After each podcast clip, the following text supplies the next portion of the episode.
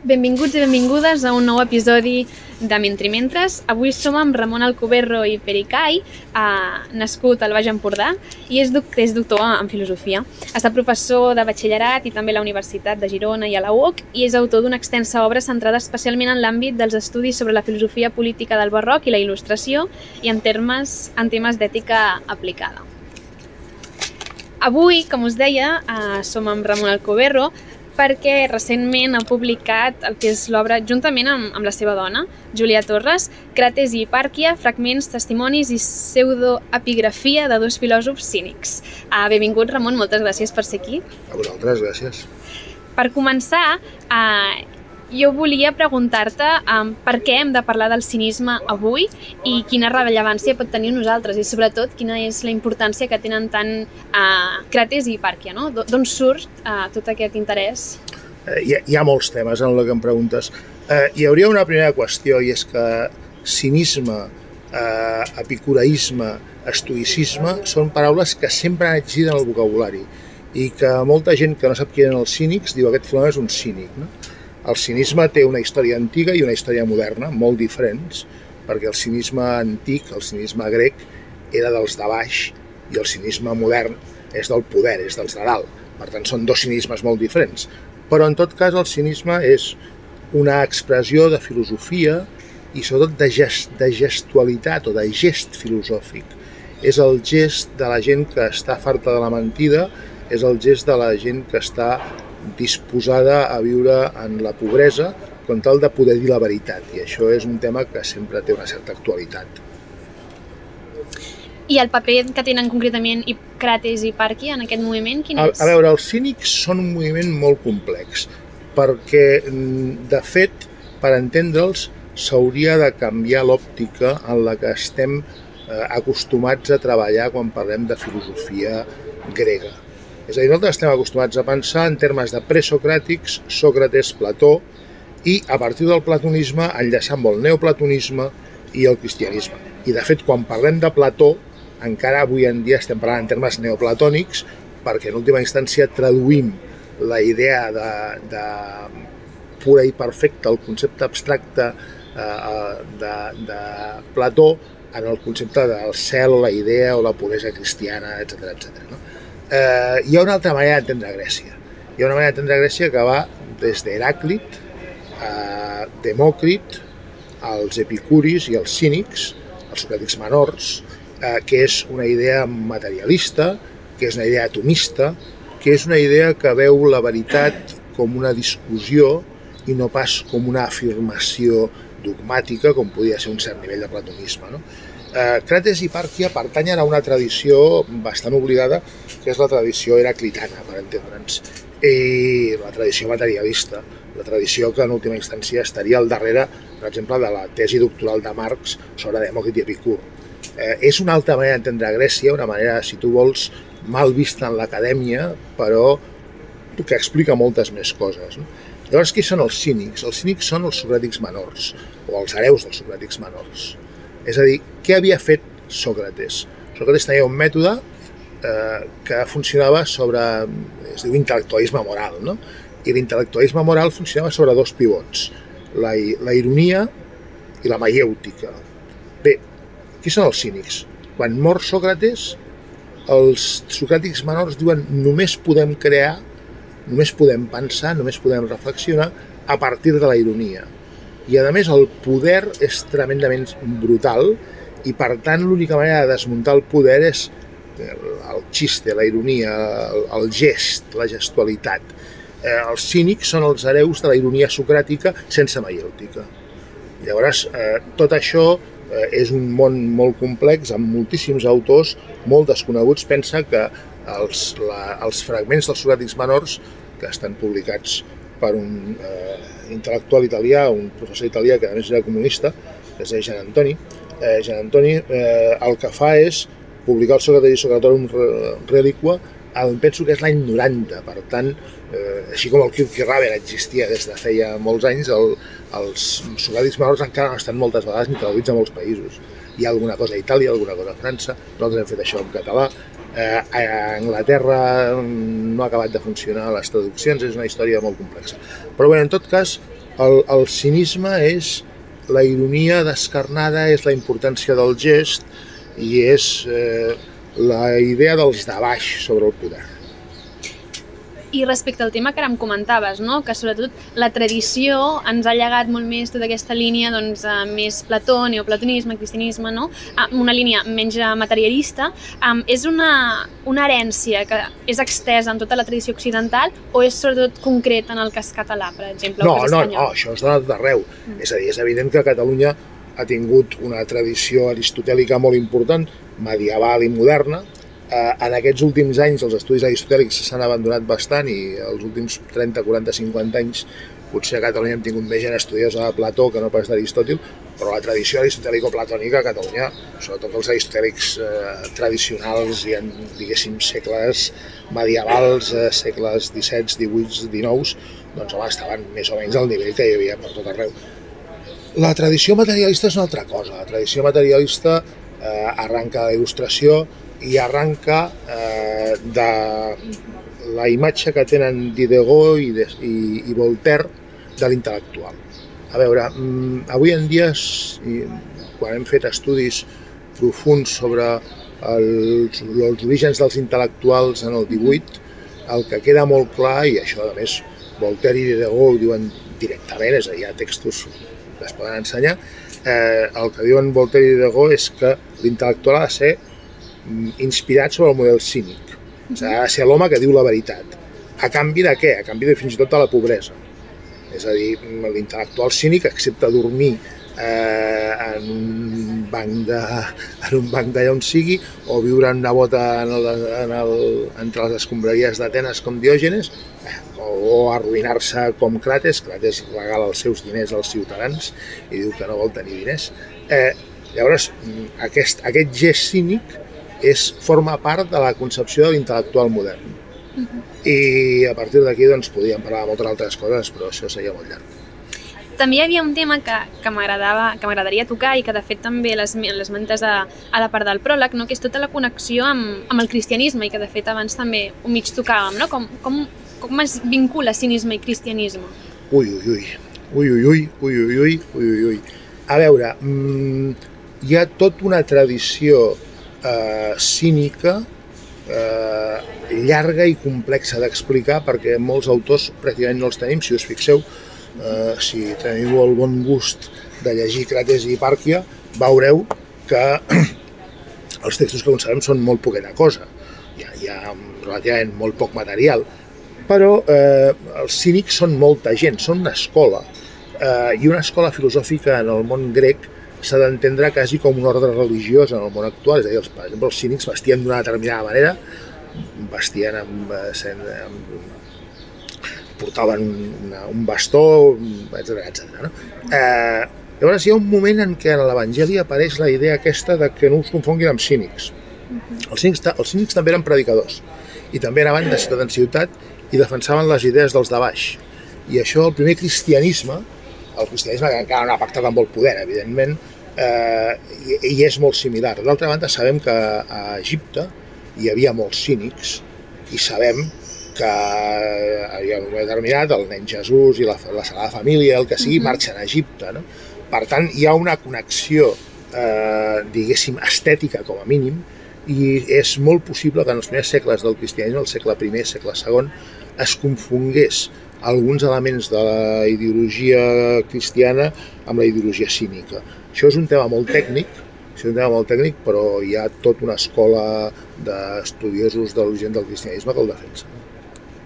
I després hi ha tot el que és el tema de- d'hipàrquia, no? Um, que d'una banda, doncs, evidentment, és una dona i, i també m'interessava preguntar-te uh, quina era la, la, la incisió de les dones dins del món del cinisme i després, i també vinculat amb el que deies del, del cristianisme, no? i que això també ho havíem comentat, que tu fa, fas algunes com mm, comparacions entre la Verge Maria amb hipàrquia, no? No sé si això també ens ho podies... Això és llarg i caldria, en tot cas, potser que la gent hagués llegit el llibre, no? Eh, mm, a veure, explicat molt per sobre. Eh, és que fas tres o quatre preguntes eh, barrejades i aquestes coses, per explicar-les una mica i que s'entengui, hauríem d'anar per parts. Eh, les dones i la filosofia grega. Sí. Val. Eh, en primer lloc, mm, els filòsofs grecs no són senyors aïllats.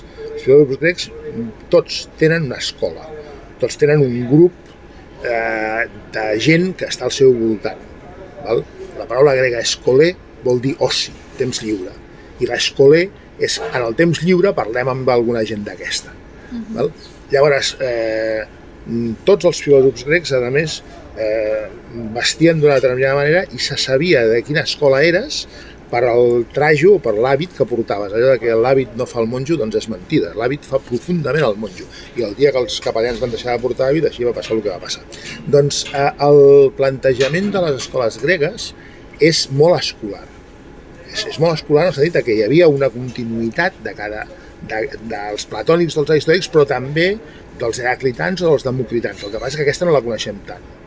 És a dir, tots els és molt important, són gent que reflexiona en un grup, en una comunitat. En aquesta comunitat hi ha homes i hi ha dones. El que passa és que no hi ha cap dona que dirigeixi una comunitat d'aquestes. Totes les filòsofes gregues que coneixem o són filles de o són dones de. I per tant el que podem entendre és que eh, un pensament filosòfic grec, eh, com el pensament cristià primitiu, són construccions col·lectives.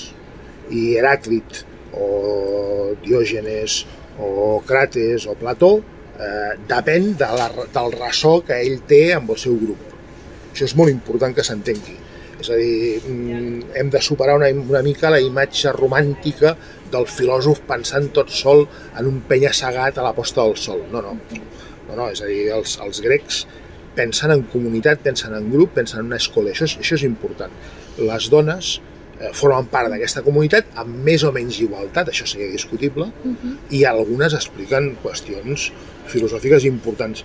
Nosaltres pensem que Hipàrquia es podria explicar avui en dia com algú que es dedicava a la teoria del coneixement perquè hi ha una sèrie de textos que sembla que indiquen que s'enfronten amb algun lògic de l'època. Això seria una altra qüestió. No sé, aquesta és una part de la pregunta. L'altra part? Em preguntava d'una banda això a les dones dins, dins del cinisme i després també la, la rellevància d'Hipàrquia i aquesta... La hipàrquia és una dona lliure, no? Ara està de moda la Rigoberta Bandini, no? Eh, well, yo nací para ser perra, por favor, dejadme serlo, pero no quiero llevar nunca bozal. I aquest final és interessant, però no quiero llevar nunca bozal. És a dir, perquè és una dona lliure. Um, és una dona que decideix lliurement eh, anar a viure amb Sòcrates, perdó, anar a viure amb, amb Crates, i que decideix lliurement eh, filosofar mm, perquè li interessen els temes aquests, no? i acompanya... El que passa és que aquí hi ha una qüestió complicadíssima d'entendre i és fins a quin punt els textos sobre, sobre Hipàrquia, que són molt poquets, uh -huh. són molt, molt poquets, eh, el que tenim sobretot són cartes, però les cartes són exercicis literaris i per tant no, no valen. Mm. Eh, eh, els textos aquests sobre Hipàrquia, si són originals o no. Hi ha alguna gent, eh, Golet Casé, per exemple, ella pensa que Hipàrquia no va existir mai, que és un invent eh, dels segles I i II després de Crist uh -huh. i que servia fonamentalment per enfrontar-lo a la Verge Maria, a la Mare de Déu. Uh -huh. És a dir, mm, Maria seria la dona fidel, seria la dona sotmesa, haga mi tu voluntat, aquestes coses, no? Eh, facis en mi la teva voluntat segons la teva, la, la teva paraula, bla, bla, bla. Eh, mm, I Pàrquia seria la dona lliure, seria la dona que no porta morrió, no? Seria la dona que, que pensa pel seu compte. I en aquest aspecte és una dona lliure. Mm, si Pàrquia no va existir, ens mereixeríem que hagués existit, com diu la Júlia, si Pàrquia no va existir, ens mereixeríem que hagués existit és una qüestió interessant. Eh, en tot cas, eh, clar, tota aquesta gent què són? Són pacifistes, són gent que, que defensa l'utopia, tenen una utopia, és a dir, el primer text de Crates de la nostra edició és exactament la primera utopia és exactament la primera utopia eh, de, de, de la història, no? en què explica com seria una ciutat perfecta, una ciutat ideal, hi ha una ciutat enmig d'un vapor de color vinós, Pera, la vella i fèrtil, però bruta i miseriosa, on no hi van a raure ni el paràsit brut ni el boig que pren plaer amb els culs de les meuques, però que produeix farigola, alls, figues i pa, i amb això la gent viu lliure de lluites fraticides i ningú pren mai les armes pel diner o per la glòria. Aquest és el primer text utòpic de la història. Aquest és el primer text utòpic de la història. I què és l'utopia?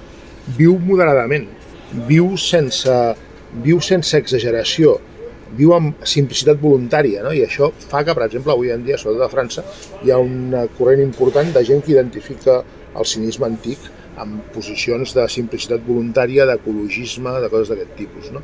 Hi ha diversos llibres publicats sobre aquesta qüestió. Fixa't que la idea és que Pera, la ciutat vella i fèrtil però bruta i miseriosa, val?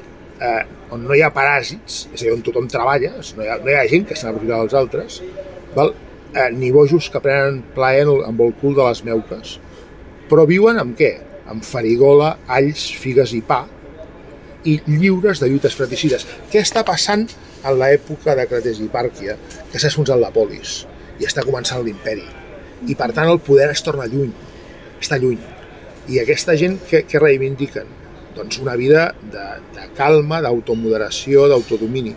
Heràclit havia dit que eh, les lleis de la ciutat no servien de res si la gent no aprenia a ser moderada, si la gent vivia exageradament per sobre les seves possibilitats. I això és el que explica també, en certa manera, que Grates i Parc i tota aquesta gent tornin a ser interessants, tornen a, estar, tornen a ser gent que avui en dia ens diuen moltes coses. Clar, i en aquest sentit, i llegint-nos no? des del segle XXI, des de l'actualitat, ara comentaves, no? hi ha una, un, un, una part de, de l'escola més francesa que en fa una lectura més específica, no sé si comentaves de temes d'ecologisme, és a dir, avui en dia com, com ens hem d'encarar aquests textos, no? Què, què és el que, que hi hem de recollir que, no que, que ens pugui ser útil, no? A veure, eh, qualsevol text filosòfic el pots eh, encarar, com dius tu, de la manera que vulguis, només faltaria, no? És a dir, qualsevol persona que fa filosofia sap perfectament que la filosofia, eh, a part de ser una teoria, és un gest i és, i és una, una manera de veure el món eh, que pot ser perfectament subjectiva. És a dir, a veure, en filosofia la, el que tu penses, el que jo penso, no és tan important com com ho argumento, no? Uh -huh. És a dir, llavors l'argumentació eh, cínica és una mica pobra, però el gest és molt poderós. Eh, a veure, es pot llegir Crates des de la crítica del poder, des de la llibertat sexual, des de la idea que podem reivindicar, hem de reivindicar una societat pacifista, val? des de la idea de que eh, la ceguesa i la supèrbia destrueixen l'home. Crates, en certa manera, eh, és un personatge mm, molt més interessant que mm, Diògenes el cínic, uh mhm. -huh. perquè Diògenes és molt exagerat com a personatge. Crates, en canvi, és més moderat i és una radicalitat més de fons. No? Eh, com que estem parlant així d'una manera molt desordenada, eh, el que és important d'entendre de Crates és que eh, diu la llegenda o diu la història de Crates que ell era ric i va decidir voluntàriament arruïnar-se i ser pobre i va regalar els diners. Eh, per tant, el tema del gest de Crates és un tema interessant. Es, es podria parlar si això és un gest simbòlic, és un gest real, etc etc. Clar, avui en dia sabem que algunes coses que semblaven simbòliques dels cínics no ho són. Són autèntiques i són certes. Per exemple, a Diògenes eh, s'explica que havia falsificat moneda. Bé, doncs ara sabem que això és cert. Arqueològicament està demostrat que Diògenes de Sinope, a Sinope, ell i el seu pare havien falsificat la moneda. Ara, fixa't que falsificar la moneda que diu Diògenes també és una manera d'entendre el discurs polític. El discurs polític és una moneda falsificada. Uh -huh. Llavors això dona per moltes coses i estem, en el, tant el cas de Crates com el d'Hipàrquia estem parlant a molts nivells diferents i és molt complex. El personatge té la gràcia aquesta. Crates i Hipàrquia no estan en el, en el cànon Uh -huh. eh, i els cínics estan en el cànon. El que passa és que el que hem de discutir és si el cànon ens serveix o si podem pensar un cànon alternatiu. No? D'alguna manera, eh, clar, jo porto 40 anys traduint textos de gent rara i jo penso que, que el segle XXI i la societat postmoderna en la qual jo formo part, doncs eh, necessitem un cànon absolutament diferent i Crates formaria part d'aquest cànon en la mesura en què com tots els cínics, doncs entén la, el tema de, de la força i entén el tema del dolor d'una manera molt radical. No? En relació al, al tema del cànon, que jo crec que també és força interessant, um, també d'aquí ben poc trobarem a les llibreries uh, una, nova, bueno, una nova publicació, en aquest cas és Nietzsche, Voluntat de no veritat, també un llibre de, de Ramon Alcoberro, que no sé si ens en podria... Bueno, si bé Nietzsche sí que és un autor del cànon, no? Uh, com t'hi aproximes tu en aquest llibre, com, com apareix, eh, d'on és fruit? A veure, jo sóc un senyor que ha fet 41 anys de classes seguides al batxillerat o a la universitat, no? I per tant, clar, Nietzsche te'l trobes cada dos per tres, està a la meva pàgina web, uh -huh. eh, he fet exàmens de selectivitat, he fet cursos sobre Nietzsche, etc etc. Això és un resum d'aquest tema. A veure, què és Nietzsche? Nietzsche és un personatge que veu el món de la seva època, del 19, principi, del 19 finals, uh -huh. com si fos un grec. Ell s'imagina uh -huh. que ell és un presocràtic es posa com a, si jo sóc un presocràtic, mmm, ressuscito, hi ha l'etern retorn i per tant, sí. com que hi ha etern retorn tot ressuscita, doncs jo sóc un presocràtic i des de, la, des de que jo sóc un presocràtic jutjo el món de la modernitat que és nihilista. Uh -huh. És a dir, per explicar Nietzsche, el millor que pots explicar de Nietzsche és que Nietzsche és un senyor presocràtic que va viure al segle XIX. I llavors, des, de, des del món d'Apolo, Dionís, eh, la hibris, la desmesura, eh, intento explicar el món de la modernitat, que és un món nihilista, és un món de por, de, de, de misèria sexual, d'un munt de coses. No? Llavors, eh, clar, tot això implica què? Doncs una determinada aposta pel cos, per la vida, pel gran sí. Val? I una negació de la veritat. Per això el, el meu, la meva monografia sobre Nietzsche es diu eh, Nietzsche, voluntat de no veritat perquè on hem de discutir el tema de Nietzsche i el tema de la filosofia antiga és en el concepte de la veritat. És a dir, la veritat platònica, cristiana, perquè evidentment Jesús es defineix a si mateix, Jesús de Nazaret, fos qui fos, diu d'ell, jo sóc el camí, la veritat i la vida, doncs, eh, bé, què passa si la veritat és una ficció? Clar. I a partir d'aquí, i a partir d'aquí tot cau, no? Els cínics diran, no, no, la veritat és una retòrica, la veritat és un gest, Uh -huh. La veritat és un... I per això el gest més fort desmunta el gest més feble. No? Els, els, els cínics pensen que el nucli de la seva filosofia és el concepte d'eixos, de, de, de força, no? i el ponois, el, el, els patiments, no? ells sempre ho diuen en plural. Tota aquesta idea de l'eixos i el ponoi és, és la idea aquesta de, de l'esforç, del, del, del trencament, de, de, i això és també Nietzscheà, no? és, és, una altra, és, és la manera materialista, a veure, més que materialista, és pensar des del cos, que no és exactament materialisme científic, filosòfic, no. digue-li com vulguis, el sentit físico-material, no? És pensar des del cos, és pensar des de que l'únic que tenim és cos. No tenim un cos, més ben dit, som un cos. I des de ser un cos, i un cos és, és un ésser que desitja, no? i un ésser que s'angoixa, i un ésser que té por, doncs a partir d'aquí la reflexió doncs, des, havent baixat al, al món de les coses i al món sensible, um, estem molt contents que d'haver tingut avui entre nosaltres el, el Ramon Alcoberro, uh, d'una banda parlant d'aquest Crates i Hipàrquia, um, que ha editat edicions Reremus, però també aquest Nietzsche, voluntat de, de no veritat, uh, d'edicions um, a Noanda. Uh, moltes gràcies. A vosaltres. Recordem també bueno, tota la, la tasca eh, de docència, no? però també de creació de contingut. Um, Recorda'ns el nom de la pàgina web. Bueno, la, la meva pàgina web es diu Alcoberro Info, va començar el gener de l'any 2000 mm -hmm. i mhm. portem doncs, ja 23 anys llargs amb centenars de mils o diversos milions de, de visualitzacions eh, i, en fi, eh, a disposar. Un, no, un contingut a, excel·lent i que realment té una, un, una gran presència dins del que és la, la filosofia doncs, de, de casa nostra i, i d'arreu. Moltíssimes gràcies de nou, Ramon, i fins aviat, ja ho sabeu.